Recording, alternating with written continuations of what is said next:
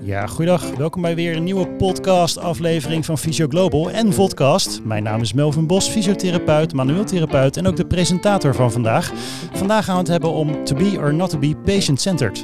Dat doen we met uh, twee gastsprekers in de uitzending, onder andere met uh, Amarien Zwijmer en ook uh, Sanneke Don. Uh, dat uh, gaan we dan zo meteen ook doen. Maar allereerst zullen we een introductieronde doen met deze twee dames. En het lijkt me goed om even aan luisteraars en aan de kijkers uit te leggen wie jullie zijn, wat jullie op dit moment doen. En vervolgens gaan we aan de slag met de inhoud van deze aflevering.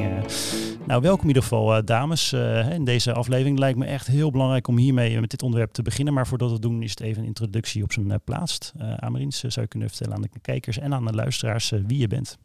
Ik ben Amarins Zwijmer. Ik ben fysiotherapeut in uh, Kootsetillen, een heel klein dorpje waar we nu zijn in Friesland. Uh, maatschapshouder en daarnaast ben ik fysiotherapeut bij Transcare Pijn in Groningen. Uh, ik ben uh, recent gepromoveerd aan de Vrije Universiteit Brussel. En ehm, zowel Sanneke en ik zijn verbonden aan de Pain Emotion Research Group. Nou, mooi om te horen. daarnaast is ook Sanneke aanwezig. Welkom Sanneke in de uitzending. Dankjewel Melvin. Superleuk om hier te zijn met uh, drieën zo. Echt heel bijzonder. Ik ben Sanneke Don. Ik ben fysiotherapeut, psychosomatisch fysiotherapeut en docentonderzoeker bij Hogeschool Rotterdam. Voor de opleiding manuele therapie, sportfysiotherapie en kinderfysiotherapie. Nou, mooi om te horen. Uh, ja, de, de, aanleiding voor vandaag was natuurlijk onder andere de tip van uh, Paul van Wilgen. Dat ging over het onderzoek van uh, op de Vrije Universiteit van Brussel. Dus het lijkt me denk ik goed om voor deze aflevering om daarmee te starten. En vervolgens gaan we dat uh, verder in kaart brengen. Uh, met alles wat erbij hoort qua factoren, uh, de definiëring ervan, et cetera. Ja. vertel uh, maar iets. mijn, mijn promotieonderzoek ging eigenlijk over de patiëntgecentreerde fysiotherapie. Dus waar dat uit bestaat en hoe dat ook binnen de behandeling van mensen met chronische pijnklachten van belang is. En hoe we dat kunnen, kunnen, kunnen inzetten en vanuit daaruit werken aan een biopsychosociale intake voor mensen met chronische pijnklachten. Um, en ook pijneducatie in kunnen zetten. Oké. En vandaar ook dat we vandaag hier zitten. Nou, mooi om te horen. Uh, Sanneke, jij hebt uh, onder andere ook hè, de livestream gekeken van Vrije Universiteit uh, van Bussel. Hè, wat betreft het promotiegedeelte, het onderzoek ook van de Ameriens. wat, wat, viel, wat was jouw allereerste ja, indruk wat betreft dat onderzoek? Ja, zeker. Het, is, het was allereerst een hele leuke en feestelijke dag. En uh, los van dat het niet uh, live kon, wat je, wat je hoopt, was het uh, ja, niet minder feestelijk en vooral heel erg belangrijk, denk ik, voor het werkveld. En daar was ik stiekem wel een beetje jaloers op. Mijn onderzoek uh, was van een hele andere orde. De, de translatie naar de fysiotherapie was uh, ja. Nou ja, zeer lastig te maken. En dan ben ik nog positief. Nee, het onderzoek van Amarins is denk ik um, voor, voor iedere fysiotherapeut in Nederland uh, super relevant. En we kunnen daar allemaal van leren. Dus daarom ja, vind ik het echt leuk om aan te sluiten vandaag en daarover van gedachten te was, wisselen. Mooi. Uh, Amariens, uh, ja, ik denk dat het goed is voor de start om te kijken, wat is de definiëring? Wat is patient-centered? Of, ja. Ja. ja. Patient-centered care betekent eigenlijk dat in plaats van dat jij als zorgverlener, als arts, als fysiotherapeut, als andere zorgverlener op de stoel uh, het belangrijkst bent, dat eigenlijk de patiënt tegenover je het belangrijkste is in de, in de, in de setting. En ook dat je de aandoening um, waar diegene mee komt, uh, probeert te bekijken vanuit de ogen van, van die persoon. En patient-centered care was al wel eerder onderzocht uh, in breed perspectief bij in de zorg, uh, bij, bij verpleegkunde, um, bij ergotherapie, maar nog niet eerder um, binnen de fysiotherapie.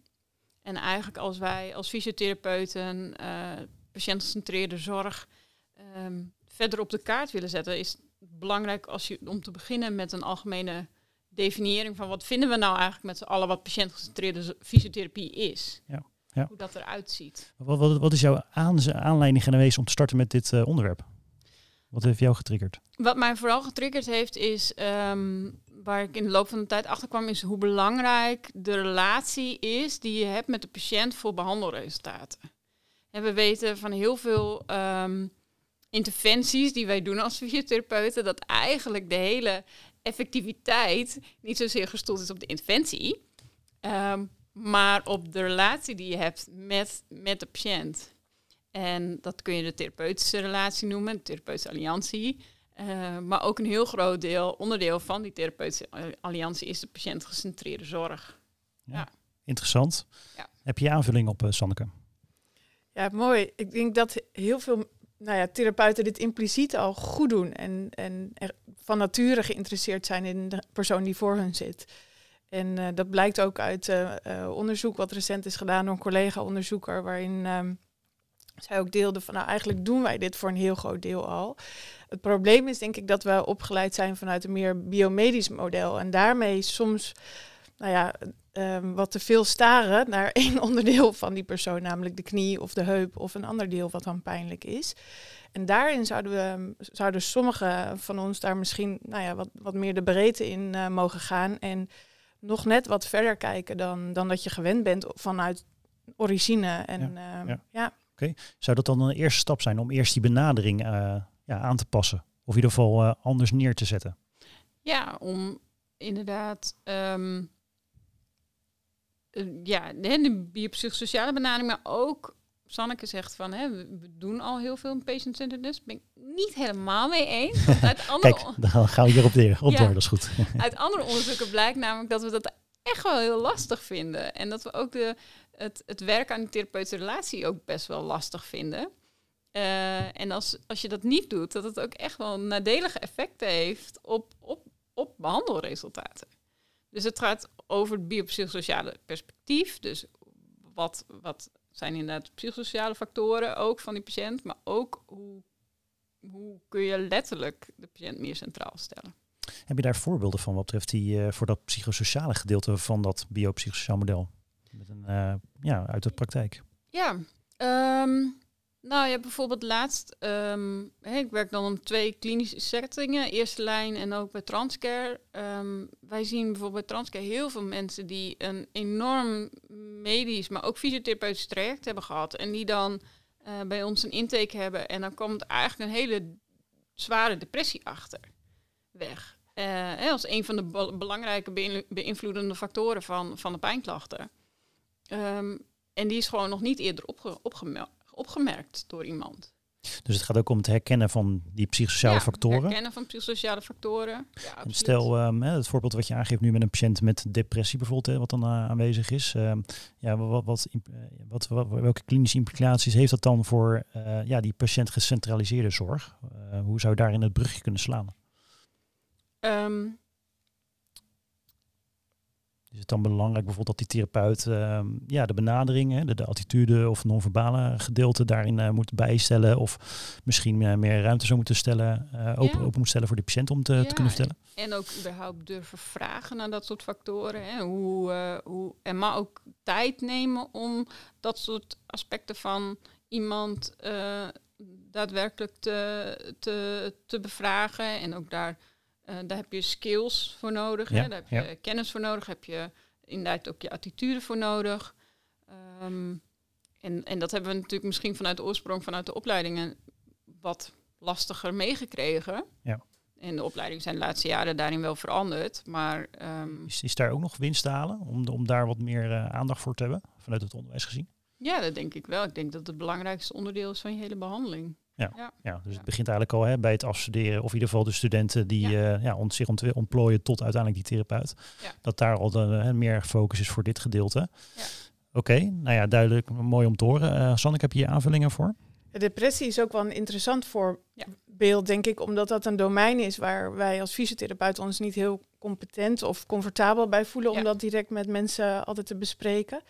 Een mooie anekdote is dat ik ergens een keer een lezing gaf uh, over lage rugpijn en welke factoren daarmee uh, nou ja, gepaard gingen en geassocieerd zijn met lage rugpijn. En depressie is daar een, uh, een van de psychosociale factoren in die het sterkste daar uitkomt. En, um, en in, die, in die zaal was een meneer die aangaf van maar ik ben fysiotherapeut, manueel therapeut. Ik ga dat toch niet met mijn patiënt bespreken, die depressie. Daar ben ik niet voor. Die gaf dus duidelijk aan dat dat, dat niet zijn domein was. En dus dan komen we een beetje in de discussie van wat ja, is het domein ja. van de fysiotherapeut. Ja. Nou is mijn... En als psychosomatisch fysiotherapeut ben je bij uitstek uh, bekwaam um, hè, om dit soort uh, categorie mensen te, te helpen en te ondersteunen. Maar ik denk dat mensen altijd blij zijn als je als je ze ziet en dit soort problemen ook, ehm, ook onderkent en bespreekbaar maakt en dan samen met iemand kijkt hoe gaan we hiermee verder? Ben ik dit of, of gaan we doorverwijzen? Ja, nou, ik hoor je een paar dingen zeggen hè, wat betreft de kadering. Hè, dus de, de, de, de, de kadering van de therapeut. Hè, van dit is wel een domein of niet. En dat daar misschien ook een uh, winst te halen is. Of in ieder geval een uh, ja, bewustzijn dat je daar zo acteert hè, als therapeut. En kijken van, joh, waar, waar, waar, waar kan je daarin bij zijn om mogelijk uh, voor die patiënten een andere invulling te geven in positieve zin. Um, ja, die domeinbeschrijving, uh, hoe kijk jij er tegenaan welke rol de fysiotherapie als algemeenheid in de beroepsgroep heeft binnen de zorg voor dit gedeelte, voor dit onderwerp? Ja, ik denk dat het nou, zoals ik net ook al zei, juist de basis is. Hè? Dat hele brede kijken, het hele brede biopsychosociaal kijken.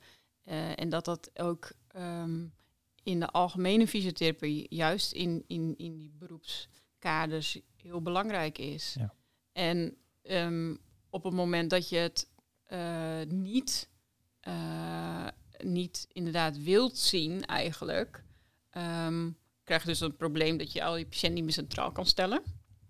Uh, en krijg je dus ook een probleem dat waarschijnlijk je behandeling überhaupt niet effectief gaat zijn. Omdat er nog zoveel andere factoren spelen. Um, maar um, um, krijg je ook dat je dat je hoe, even, even nadenken hoe ik dat ga benoemen. Maar dat je dat, als je die, die factoren zijn wel belangrijk. Natuurlijk kun je als, als therapeut zijn zeggen van nou weet je, ik, ik, ik heb het geobserveerd, maar ik en ik, het is niet mijn, mijn straatje om er wat mee te doen, om er een, een interventie mee te doen. Maar het is wel belangrijk dat je het observeert. Want het is de gehele persoon die voor je zit. Ja, ja. Nou, heel, heel duidelijk. Ja. Um, en het onderscheid bijvoorbeeld, ik noem maar wat hoor. In de eerste lijnzetting natuurlijk um, werken met regelmaat natuurlijk bijvoorbeeld met de huisarts. Um, ja, hoe onderscheiden wij ons dan uh, voor dit gedeelte wat betreft de huisarts?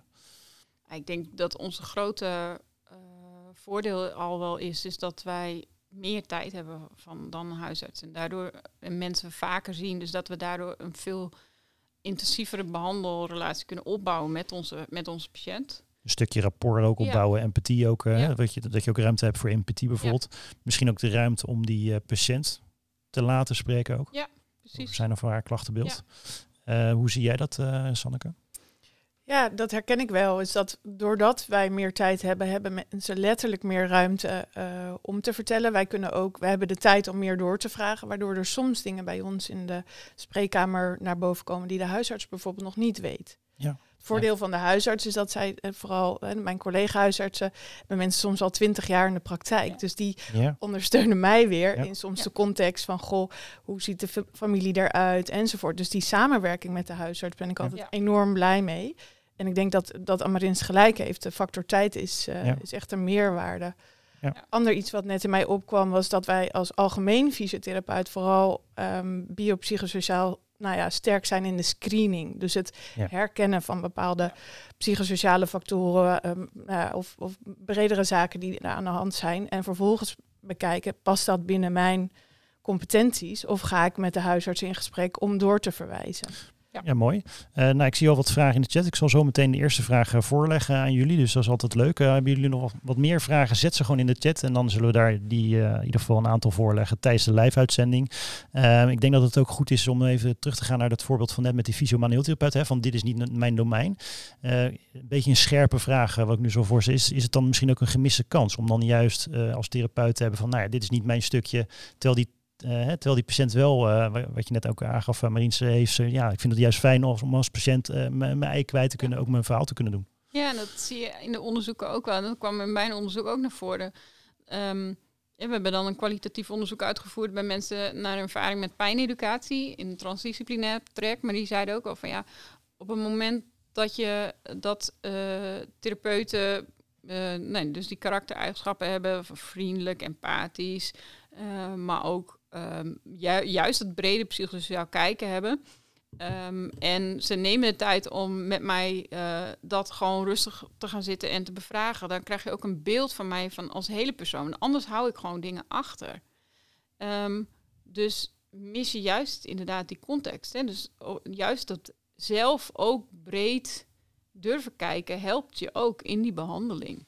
Ja, interessant om te horen. Ja. Ehm, nou, het lijkt me goed om eventjes eh, de vraag uh, voor te leggen uit de chat van uh, de heer Joosten. In hoeverre is het ver verwachting een patroon van de patiënt? wat is het verwachtingpatroon van de patiënt tussen aanhalingstekens en vraagteken?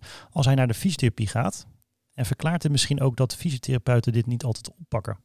Omdat de patiënt ook vaak aangeeft dat ze tijden, tijdens de fysiotherapie of dat ze tijdens de fysiotherapeut zijn en niet bij de psychosomatische fysiotherapeut. Of psycholoog denk ik in dit geval. Ja, dat is ook heel lastig. Het is ook een hele, hele cultuurswitch uh, die, die je stap voor stap maakt. Um, en, en maakt binnen de beroepsgroep, maar ook binnen een praktijk. Hè? Als je bijvoorbeeld ziet hier bij Fysio de Tillen, mensen zijn al van ons gewend dat we juist vragen naar al die psychosociale factoren, omdat we dat eigenlijk altijd al doen. Um, dus het is, het is een cultuurverandering en het is ook een cultuurverandering bij je patiënt. Dat ze niet inderdaad verwachten van nou, kom maar met je handdoekje en gaan liggen en, uh, en klaar. Um, maar het is letterlijk iets wat je in moet masseren. Sanneke? En ik denk dat ook onze eigen verwachting als fysiotherapeut en onze eigen visie op ons vak uh, hierin een grote ja. rol uh, speelt. Ja. Dus hoe kijken wij naar wat wij fysiotherapie noemen? En ik denk dat we daarin best wel wat mogen verbreden, ook al ben je geen psychosomatisch fysiotherapeut. Zou, zou je dan kunnen spreken van een reconceptualisatie van ons vak? Hè? Dus opnieuw bekijken hoe we erin staan met z'n allen? Ik denk dat dat wel een heel belangrijk onderdeel is. Ja. Um, ja, die Joost gaf ook aan dat hij het absoluut eens is uh, dat we als fysiotherapeut daar veel aandacht voor moeten hebben in de amnese. Nou ja, uh, in verband ook met de grote prognostische factoren die uh, een rol spelen. Nou ja, hij had ook nog de placebo-nocebo aan van Rostini et al bijvoorbeeld uit Italië. Um, nou ja, het stukje, ik denk dat het goed is om ook weer de brug te slaan naar het gedeelte van de algemene fysiotherapie naar ook de fysiotherapeut specialist. Nou, ik ben zelf bijvoorbeeld ook manueel therapeut. Nou ja, Sanneke psychosomatisch fysiotherapeut. Dus ik denk dat het ook goed is om te kijken van ja, zit daar nog een differentiatie tussen die algemene fysiotherapie dan wel de fysiotherapeut specialist? En dat is een lastig, hè? Ik ben algemeen fysiotherapeut. Ik ben niet psychosomatisch fysiotherapeut. Ja. Zoals mij ook al uh, duidelijk is gemaakt door mede-beroepsgenoten. Ja. Ja. ja. ja. dat is natuurlijk een heel interessante, want ik heb zelf toevallig natuurlijk ook de livestream uh, mogen kijken aan Mariens ja. van de VUB uh, toen je bezig was. Nou, dan kwamen ook natuurlijk na het uh, gedeelte na afloop, hè, kwam ook natuurlijk de discussie te sprake überhaupt over de fysiotherapie. En mogelijk ook de psychosomatische fysiotherapie, uh, ja, welke rol we daarin kunnen hebben. Uh, er was natuurlijk ook, uh, ja, dat was ook een discussie die gaande was. Dus ik denk dat het wel goed is om daar ook nog eventjes de ruimte voor te hebben. Sanneke, wat betreft die psychosomatische fysiotherapie, hè, je bent zelf natuurlijk daar ook in praktiserend. zie je daar nog een differentiatie in tussen die fysiotherapeut algemeen dan wel de psychosomatische fysiotherapeut? Ja, zeker. Ik denk dat um, als je de gemiddelde um, dag in mijn um, uh, agenda ziet, komen echt andere mensen met andere hulpvragen bij mij dan, denk ik, bij de fysiotherapeut. En dat is het belangrijkste verschil. Dus even als voorbeeld, mensen komen bij mij met lichamelijke klachten en een depressie of een angststoornis. Of um, nou ja, met wijdverspreide pijnklachten. Ik denk dat daarin uh, meer overlap uh, dan verschil zit tussen wat Amarins en ik samen doen. Ik zie haar echt, echt niet anders dan, uh, een psychosomatisch fysiotherapeut in de behandeling van pijn. Waarbij misschien ja, binnen de psychosomatiek in de opleiding nog, nog... Ik heb echt goed geleerd hoe ik mensen met depressie en angst goed kan screenen, goed kan helpen. En, en vooral mijn eigen uh, vak begrenzen.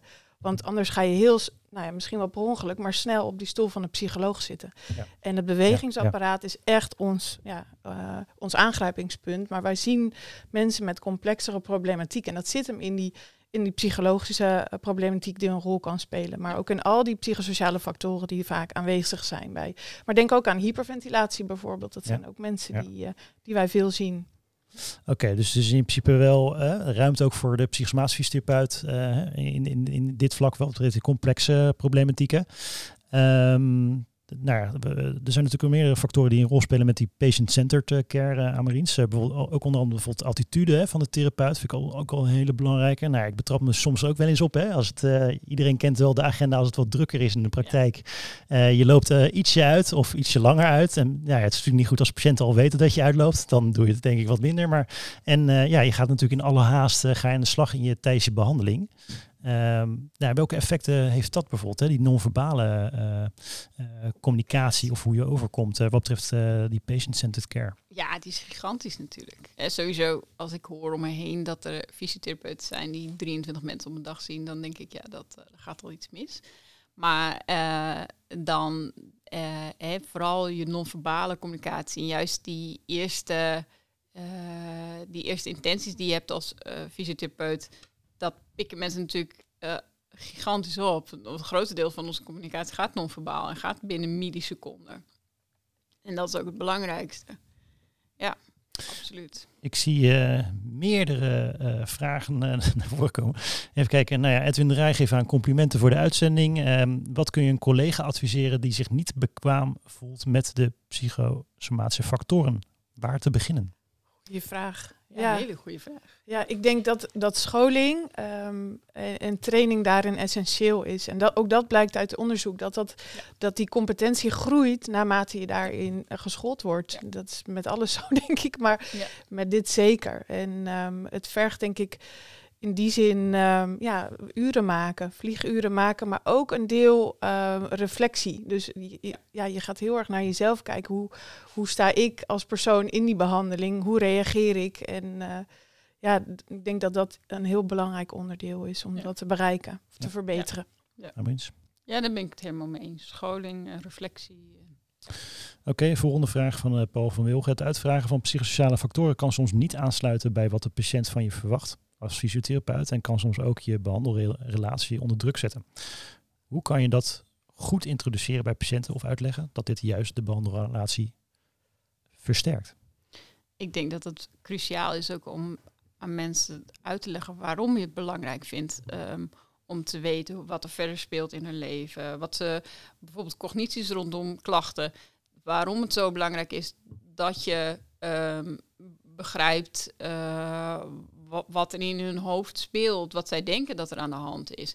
En zodra je die uitleg geeft en mensen daarin rustig meeneemt en op het moment dat je wel ziet dat er tegenover je iemand weerstand opbouwt, uh, die weerstand bespreekbaar maakt, dat daar juist de crux zit. En dat zie je ook uit onderzoek. Hè? Dus als je die relatie onder druk komt te staan uh, en er, er, komen eigenlijk een soort van scheurtjes in, om juist die scheurtjes bespreekbaar te maken, dan, um, dan zie, je, dan zie je dus dat de behandelrelatie zich verster verder versterkt, maar ook uh, effect op de uitkomsten. Het is een hele interessante. Dus eigenlijk zeg je van, hè, er, er kunnen altijd dingen gebeuren ja. in die behandelrelatie. Ja. En juist als er dingen gebeurt, gebruik dat, embrace it, hè, om daar ja. wat mee te doen. En dan kan het juist andersom werken, al in, in de zin van versterkend.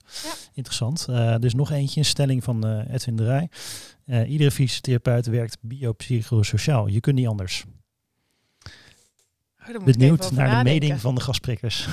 Mm. Het is een, uh, een, een, kietelende stelling. Ja. ja. die kunnen we natuurlijk eventjes ja. parkeren. En Misschien, dan, uh, ik, want in, ja? in uh, aanvulling, en dan ga ik echt ondertussen over jouw mooie stelling nadenken, Edwin.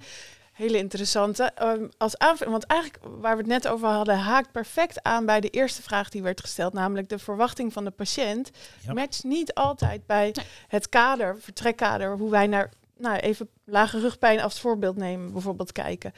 Iemand kan nog helemaal in het idee zitten van ja, mijn, uh, mijn rug, daar is iets serieus mis. En, en Amarins legt ook al net uit dat je daar vooral bij moet aansluiten. En niet in één keer helemaal vol die breedte richting die psychosociale factoren moet gaan. Ja, ja. En dan raak je iemand waarschijnlijk volledig kwijt. Die komt nooit meer terug. Dus dat is ook de werkwijze niet. Ik denk het aansluiten en vooral dat lichaam is het vertrekpunt. Ja. En vervolgens door middel van die nou, pijneducatie of educatie en uitleg. Waarom wil ik dit nou weten? Waarom stel ik dit soort vragen nou? Is het, is het misschien zo dat dan het eerste stukje is hè, voor de beginnende therapeut wat betreft dit onderwerp dan, hè, om het zomaar te mm -hmm. noemen? Is het dan juist het analyseren dat dit speelt? En dat ja. bespreekbaar maken. Is dat misschien de eerste, zijn dat de eerste stappen? Ja, analyseren dat het speelt, bespreekbaar maken. En daar de tijd voor nemen om, om dat bespreekbaar te kunnen maken. Ja. En, um, en dan is het een vervolgstap natuurlijk van, hè, ben je zelf dan de geschikte therapeut in het kader van juiste zorg uh, in, op de juiste plek? Uh, ja. Of is dat mogelijk een andere collega ja. uh, die daar meer gespecialiseerd is? Zeker. Of natuurlijk iemand anders in de zorg. Hè? Dat kan natuurlijk ook. Ja. Um, volgende van de heer Joost weer. Patient-centered care is niet gelijk aan doen wat de patiënt wil. Daar zit wellicht ook een uitdaging in, zowel voor onze beroepsgroep, maar ook voor patiëntgroepen, federaties en Facebook en andere social media kanalen. hoe denken de sprekers hierover? Dat is echt super dat hij dat noemt, want dat was ook een van de dingen die ik vandaag op, op, het, uh, op, de, op de tafel wou brengen. Ja. Is dat inderdaad dat niet altijd inhoudt dat je als patiënt een, een, een hands-on behandeling verwacht dat je dat ook gaat doen. Ehm, want daar hebben ze ook al onderzoek naar gedaan. Daar, daarvan worden de uitkomsten niet beter hè, als je echt uh, doet wat een patiënt verwacht. Um, maar dat, het gaat er wel om dat je aanhaakt bij de beleefwereld van de patiënt. En dat je door middel van shared decision making bijvoorbeeld um, uh, uitlegt wat de behandelopties zijn. Uh, wat, wat wel evidence-based is bijvoorbeeld. Um, en samen met de patiënt keuzes daarin maakt. En de patiënt daarin ook meeneemt in dat hele behandeltraject. Interessant. Nou, ik heb hier uh, deze week op donderdag ook een podcast opgenomen met uh, Han van Dijk van de, van de Hogeschool Utrecht. Die werken intensief samen vanuit de UMC Utrecht met de pijnpolie. En die gaf inderdaad ditzelfde ook aan. Dat, dat je ook in gesprek moet zijn met die patiënt hierover. En ook die perceptie erbij. Dat dat echt cruciaal is. Dat je eigenlijk letterlijk als een soort van boek openslaat van hè, wat, hoe, hoe ervaart die patiënt zijn of haar klachtenbeeld. En hoe gaat hij daarmee om. Dat je, en ook natuurlijk je eigen perceptie, hè? hoe jij de, de, de therapie ingaat als therapeut. En dat het eigenlijk altijd een kruisbestuiving uh, moet zijn te alle tijden. Ja. Oké, okay, interessant. Um, nou, als er nog meer vragen zijn, zet ze op de chat. Uh, het zijn in ieder geval, uh, begrijp ik van de gastsprekers, interessante vragen. Dus ga hier mee door, zou ik zeggen. Dat maar zorgt in ieder geval voor een optimale interactie. Um, wat betreft het onderzoek wat je natuurlijk gedaan hebt, Amarien, zijn er nog meer elementen die je in ieder geval aan tafel aan bod wil laten komen tijdens deze uitzending? Nou, wat we, waar we dus mee begonnen zijn, is eigenlijk de, die patiëntgecentreerde definitie van fysiotherapie. Wat is dat nou eigenlijk? En vervolgens zijn we een vervolgstap gemaakt van nou, hoe kunnen we dan de fysiotherapeut tools geven om die biopsychosociale intake uh, wat verder te optimaliseren. Um, en als je dan kijkt naar behandeltraject van mensen met chronische pijnklachten, uh, zijn we vervolgens middels kwalitatief in onderzoek ingegaan op um, uh, wat is nou de ervaring van mensen daarmee? Hè? Wat, wat, als, je, als je ze educatie geeft, hoe kun je ze dan meenemen daarin? Um, hè, wat, wat, is hun, ja, wat is hun ervaring? Maar ook um, hoe, hoe voeren uh, een, een fysiotherapeut en psycholoog in zo'n combi-behandeling eigenlijk, een transdisciplinaire behandeling, hoe voeren die een educatie uit? Hoe kun je die zo goed mogelijk optimaliseren? Ja. Ja, daar hebben we dus ook naar gekeken. En dat is, dat, dat is eigenlijk de vervolgstap. Ja, ja. En ook om. Um, maar wat zou je willen adviseren aan de luisteraars en kijkers van vandaag? Voor, voor, uh, om hierin uh, stappen te kunnen zetten in de eigen ja. praktijksetting? Ja, ik zou vooral ook adviseren om, om dat gesprek aan te gaan. En ook um, op het moment dat je bijvoorbeeld pijneducatie geeft. Pijneducatie is helemaal hot and happening momenteel. Uh, maar social media is, is er best wel veel kritiek op. Um, om dat ook in een interactief gesprek te doen. Het is niet een lesje die je patiënt opleest. Het is een. Welke wel, wat voor kritiek bedoel je? Wat, uh, wat, wat, valt je op? Nou, een van de kritiek die je dan op, oh, hè, is dat het eigenlijk een heel eenzijdig iets is. Dat een eenzijdige educatie is bijvoorbeeld. Wat de therapeut doet bij een, bij een patiënt. Maar ook uh, kritiek is ook wel dat, uh, hè, dat het, het, het, het de, de, educatie aan zich, het, het verklaringsmodel, uh, ook niet altijd, uh, nou, niet altijd dat het lastig is om dat in metaforen over te brengen aan een patiënt. Want elke keer als je een metafoor gebruikt, ja, dan zwak je toch dat hele complexe lijf af. Ja, ja. ja. interessant. Ja. Uh, Sanneke? Nou, de, de stelling die ik nog wel eens hoor is dat dus um, biopsychosociale aanpak of, of breder kijken alleen nodig is, is als er sprake is van een afwijkend beloop. Ja, ook. En daar ben ik het vooral ja. niet mee eens. Nee. Dus ik denk dat ik dat misschien zou willen meegeven. Ook al komt iemand in, uh, met twee weken lage rugpijn bij je, en dat, dat, dat is ook, ook al, het zit al in de screeningstools, screen op, op al die factoren die een rol kunnen spelen, want die zijn hartstikke belangrijk in het beloop. Dus biopsychosociaal is niet alleen voor mensen met complexere problematiek of voor mensen met langdurige klachten. Dat is voor iedereen even belangrijk. En ja. dat doe je dus altijd. En misschien de stelling van Edwin ben ik het dan stiekem toch niet mee eens, denk okay. ik. Als oh, ik er, komen zo al wat, uh, er komen de eerste reacties komen al binnen. Ja. Dus dat is wel Ja. wat mooi. En vooral ook omdat uit onderzoek ook blijkt dat wij als, als um, fysiotherapeuten een beetje een, een neglect hebben. Dus uh, vaak de sociale uh, dimensie uh, negeren. Ja. Dus al, alleen al daarom kan ik het redelijk verdedigen, denk ik. Ja, dus, Oké, okay.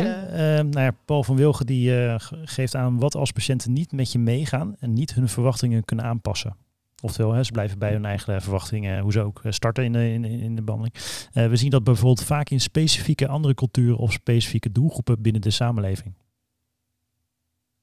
Ja, dat is een lastige, hè? Ja. ja, wat doe, je, wat doe je inderdaad als je patiënt een hands-on behandeling verwacht, bijvoorbeeld, en, uh, en jij denkt... Ja, dus misschien ook een stukje de, de, het gedachtegoed hè, wat de patiënt heeft opgebouwd. Misschien ook ja. Ja karakter, denk ik, hè, persoonlijkheden. Hè, vast, vastba vastberadenheid misschien ook, wat er nog eventueel een rol kan spelen. Ja, ja. zie jij die ook in de praktijk, Sanneke? Dit soort, uh... Ik zie allerlei soorten mensen in de praktijk. En um, ook weer een mooie anekdote is dat ik uh, een aantal jaar geleden via een huisarts waar ik veel mee samenwerkte, een uh, Turks-Nederlandse vrouw onder behandeling kreeg yeah. met nekklachten en hyperventilatie. En haar wens, haar verwachting was heel erg van, kijk nou even naar die nek, heb ik, ik heb een massage nodig. En mijn visie was net even anders. En uh, ik dacht, nou, wat wij vooral moeten bekijken is waar, waar het misgaat in het dagelijks leven, waar je stress bij ervaart. En, um, en dat vond zij ook prima. Maar ik heb dus, uh, ik, he, ik had een half uur toen nog voor de intake. Godzijdank heb ik nu een uur. Maar ik heb dus niet naar die nek gekeken en ik heb ja. haar niet aangeraakt. En ja. daarmee heb ik ja. niet voldaan aan haar verwachting. En wat ik super geleerd heb hiervan is, want zij is niet meer teruggekomen bij mij. En die collega huisarts, die was echt, die zei, ik vond het zo jammer, want ik wilde haar specifiek naar jou hebben voor die educatie, want jij neemt altijd die modellen door en dat Ja. is zo fijn. Ja. Maar had maar gewoon even je handen op haar nek gelegd. hè, Dat al was was misschien het maar. Ja. En, en dat was voor mij best een eye-opener. Dus Ja. ergens Ja. was ik ook een beetje te rigide op dat moment. Je hoeft niet iemand een half uur een massage te geven, maar Nee. me- veer mee en kijk of, je, of dat een ingang kan zijn om Ja. vervolgens die educatie in te zetten en iemand mee te nemen in nou, het denkkader wat wij dan achten wat, eh, wat beter zou zijn. Interessant. Nou ja, dan, eh, ja. Het, is, het is een hele lastige interactie, hè? want ik heb het ook wel eens ingezet. dat Ik dacht van, oké, ik veer op die manier mee met mensen. En dan gaan we daarna juist de andere kant op. En dan zit je eraan vast. En dan kom je Ja. er heel lastig vanaf. Dus het Precies. is een hele lastige klinische... De klinische praktijk is gewoon soms weer bastiger dan onze eigen ideeën daarover. Of wat, de, wat het onderzoek zegt daarover. Nou, interessant, eh Sanneke. Wat je net ook aangaf, is ook een stukje taal. Hè? Bijvoorbeeld eh, bij Ja. deze patiënt. Dus dan heb je het ook over gezondheidsvaardigheden. Daar hebben we het nog niet zo over eh, gehad wat betreft dit vlak, hè? van, qua onderwerp. Ehm, zijn daar nog dingen over bekend, Amarins, wat betreft gezondheidsvaardigheden van de patiënt? In het kader van die patient-centered care. Ja. Nee, dat is, dat is zeker belangrijk. Hè? En ook, nou, je ziet bijvoorbeeld Coach Stille zit ook een gebied in Friesland waar het laag sociaal-economische klasse is. Ja, Ehm, en en de, degene die, die de behandelkamer inkomt, dat is soms wel heel anders dan bijvoorbeeld eh, in Groningen. Ja. Hè, de gezondheidsvaardigheden zijn zeker van belang. En volgens mij heeft Janke Oosterhaven daar ook een heel mooi promotieonderzoek over gedaan. Ja. naar, naar belang van aangepaste educatie. Ehm, de taalniveau wat je gebruikt, de, de metaforen die je gebruikt. en Dat je, en ook... ehm, Kun, je dan stellen dat het sowieso dan indirect ook effect heeft op die patient-centered eh, ja, absoluut. Ja, situatie? ja. ja weet je, de, de- uiteindelijk is patient-centered fysiotherapie de over, overkoepelende, het overkoepelende concept wat overal belangrijk bij is. Ehm, en, en dan ook hierbij. En hoe je dat dan aanpast op de patiënt. Eh, en eh, hè, welk taalgebruik je gebruikt. En ehm, of je meer visuele dingen inzet. Dat is, dat, is, dat is de aanpassing die je doet per patiënt. Mooi. Sanneke, heb je hier nog aanvulling op? Ik denk dat het ook altijd, eh, je kan ook altijd direct bespreekbaar maken. Ja. Dat zal jij ook herkennen. Um, Wat werkt? Eh, wat, vind je, wat werkt voor jou? Wat Ja. vind je fijn? En Ja. ehm, bij mensen met, la, eh, met lagere gezondheidsvaardigheden of taalproblemen en dergelijke, dan ga je vooral niet te veel in woorden dingen uitleggen, maar dan zal je wat meer richting het ervaren gaan. En maar ook gewoon, ja, ik vraag gewoon vaak naar eerdere ervaringen en, en ehm, wat mensen fijn vinden. Mensen weten dat vaak wel, ook al Ehm, is er sprake van LVB en dergelijke. Mensen kunnen dat best eh, onder woorden brengen, wat ze fijn vinden of wat ze Ja. verwachten. Ja. en vaak ook Ja. veel meer gedragsmatige trajecten. Eh, volgende ligt het probleem in de eerste lijn niet dat indien goed sir, eh, ja, shared decision making toegepast dat wellicht de BI van een praktijk, eerste lijn omhoog gaat, eh, meerdere zittingen in verband met goede informatie adviseren, et cetera, en daarmee negatieve, negatieve gevolgen heeft voor contractering het jaar erop. Dit zou een belemmerende factor zijn in de eerste lijn praktijk. Daarmee mensen dan maar puur somatisch behandelen, max vijf keer en dan klaar. Hoe moeten we zorg en financieel zo gaan samensmelten dat financieel geen beïnvloedbare negatieve factor gaat worden? Voor nu en ook op de langere termijn. Ehm, uit de onderzoeken blijkt dat als je meer patient-centeredness en meer shared decision making eh, a- toe gaat passen, dat het niet per se heel veel meer tijd gaat kosten. Eh, en juist die investering die je doet in het begin, de investering die je doet in een brede intake, juist in de relatie die je met de patiënt hebt, op lange termijn eh, winst heeft. Ehm, dus dat het niet per se heel veel meer behandelsessies gaat opleveren. Ehm, dan, dan, dan wanneer je het niet doet. Kijk, en wat ik ook al zei, la, zo net, hè, bijvoorbeeld met die patiënt met die depressie, eh, met die pijnklachten met depressie, die heeft enorme trajecten gehad en geen enkel traject sloeg aan. En als je dan verder kijkt naar juist die psychosociale factoren die spelen, ehm, dan zie je dus dat een behandeltraject wel aan gaat slaan, omdat je veel breder naar die persoon kijkt en op, op die verschillende vlakken gaat inspelen. Interessant. Dus het is even een inspanning hè, eh, in het begin. Maar uiteindelijk zal dat netto genomen op lange termijn wel eh, echt wel Ja. schelen. En eh, ja, hoeft niet per se meer te kosten of meer Nee. in tijd en in de financiën. Nee, daar, daarbij wel genoemd hebben dat natuurlijk. ehm, weet je, ik neem regelmatig een uur de tijd voor mijn patiënt. Terwijl ik maar een half uur vergoed krijg. Dat doe ik met alle liefde, omdat ik vind dat ik dan betere zorg kan leveren voor mijn patiënten. Ehm, en omdat ik dan gewoon rustig alle tijd heb en niet gehaast door die behandelkamer ga. En niet gehaast het verhaal er doorheen druk.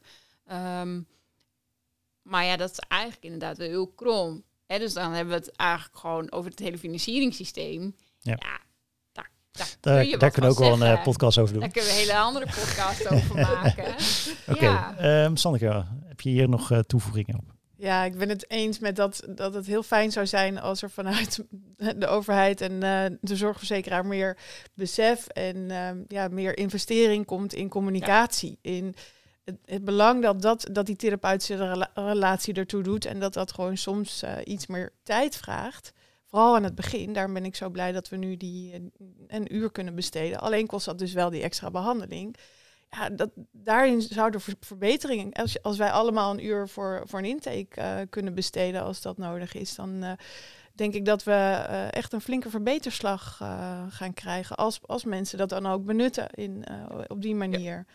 En dan zou dat zeker op de lange termijn eh, zich uitbetalen. Daar ben ik van overtuigd. Mooi. Eh, we naderen nu het laatste gedeelte van de, van de podcast en podcast. Eh, zijn er nog meer punten die je zou willen bespreken, Amelins? Oei, ik denk dat ik de hele dag wel door kan. En eh, ook, ja, ook voor de kijkers natuurlijk op dit moment, eh, als je nog vragen hebt, zet ze nu op de chat. Want we zitten nu in het laatste gedeelte van, eh, eh, van, de, van de podcast en podcast. Edwin eh, de Rij gaat er vandoor. Dus eh, nou ja, goed. in ieder geval de reactie van Sanneke was er op de stelling. Ja. Heeft Amerinis nog een eh, Ja, invulling over die stelling? We zijn altijd biopsychosociaal. De mate waarin we biopsychosociaal zijn, dat is wel eens afwijkend. Het is nooit zwart-wit. Het is al een heel groot grijs vlak tussen. En ik denk dat we vooral in dat hele grijze vlak kunnen groeien. En de integratie, zeg maar, van alle onderlinge factoren zou beter Ja. kunnen. Ik denk dat eh, de valkuil van, de, van, de, van mijn beroepsgroep is dat we te veel alleen maar kijken naar stress. En dan, dan gaan we ook versmallen. En dat geldt, en dat heeft misschien eh, iedere beroepsgroep of iedere persoon heeft zo'n zo'n voor- voorkeur. De kunst is om, om echt al die factoren te integreren in het handelen. Ja. En dat is hartstikke moeilijk. Oké, ehm, ik zie op dit moment, even kijken, Paul van Wilgen geeft ook nog iets aan. Integreren jullie ook lifestyle of leefstijl in het uh, biopsychosociaal model en in PC, afkorting? Ja, tuurlijk. Ik bedoel, dat, dat, dat, dat, hè, hoe iemand eet, hoe iemand slaapt, stress, eh, beweging, dat, dat is de, oh, Dat is ons vak. dat is ons vak en dat is de persoon en dat, dat Ja. hoort bij het Aanraken. beeld. Ja. Oké, ehm, ik hoorde net ook, eh, gaf je ook een stukje eh, gedrag aan, gedragsverandering eventueel. Ja. Zou je daar nog wat eh, op eh, willen toelichten of aanvullen? Nou, volgens mij was dat de podcast van... Ja, Stefan. Stefan. Stefan Elbers. Ja. Ja, die gaf ook wel aan dat, dat gedragsverandering niet per se 1, 2, 3 makkelijk is. Ja, voor de luisteraars en kijkers op dit moment, eh, als je meer wil weten over gedragsverandering, is een eerste podcast, podcastaflevering staat op de website. En ook op Spotify en andere vertrouwde podcastkanalen. Um, nou, het lijkt me goed om eventjes resume nog in ieder geval wat dingen mee te willen geven aan de kijkers op dit moment en aan de luisteraars. voor joh, wat hebben we geleerd in deze aflevering over dit onderwerp? En wat is een take-home message? Allereerst, Sanneke, wat zou je mee willen geven als samenvatting of take-home message? Misschien wat het belangrijkste is dus dat ik iedereen zou willen meegeven om echt, nou ja, als je er competent in voelt, het liefst zoveel mogelijk te screenen op alle factoren die een rol spelen bij iedereen. Of iemand nou met pijn in de eerste week binnenkomt of met jarenlange klachten en al veel behandelingen hebben gehad. Um, screen erop. Dus durf die breedte in te gaan. En ehm, ja, wees patient-centered op die manier. Oké, nou mooi om te horen. Laatste aanvulling nog uh, vanuit de chat. Uh, roken en voeding? Vraagteken. Oh, hoort er ook bij. Hoort voeding, er ook bij. Voeding had ik al genoemd. Voeding, is benoemd door Amarins. En roken, dat uh, hoort er uiteraard ook bij. Ja. Amarins, heb jij nog een take-home message voor de kijkers en luisteraars? Nou, ik denk dat ik vooral wil aangeven, wees je bewust van hoe belangrijk die therapeutische relatie is uh, op, je, eh, op, op je behandeleffecten en op je behandelresultaten. En hoe belangrijk het ook is om inderdaad tijd daarin te investeren. Ja, en, en ook als je dat doet, nou ja, hoe, hoe goed je soms andere wegen kunt inwandelen met mensen um, dan dat je eerder had verwacht. Nou, mooi om te horen. Um, ja, allereerst uh, super bedankt uh, voor, uh, voor jullie bijdrage voor, voor deze uitzending. Ehm, we ronden nu in ieder geval deze aflevering af. En ook bedankt aan Mariens voor de locatie waar we zitten bij Visio de Tille. In, hoe heet dit dorpje? Coachtertille. Coachtertille. Nou, super mooi. Ik, hoop dat ook dat de luisteraars en kijkers uh, en ook natuurlijk de mensen die live hebben gekeken. Dit is natuurlijk de eerste in de live setting, dus ook heel leuk natuurlijk. Dat het ook in ieder geval uh, naar wens was en interessant was om uh, dit te volgen. nou, dit was in ieder geval een, weer een podcast en podcast aflevering van Visio Global. Wil je, meer weten, ga dan naar de website van www.visioglobal.nl. Je kunt je ook aanmelden voor de nieuwsbrief bij het webinars gedeelte. En dan word je als eerste op de hoogte gehouden van alle nieuwe afleveringen. In september komt Onderwijs en Wetenschap in alledaagse praktijk. De volgende aflevering live en dat is met professor Dr. Oslo.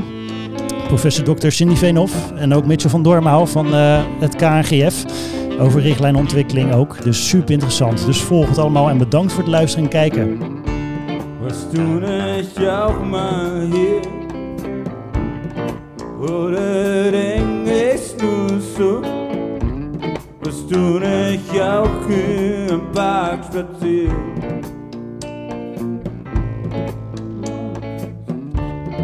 Und den Fuchs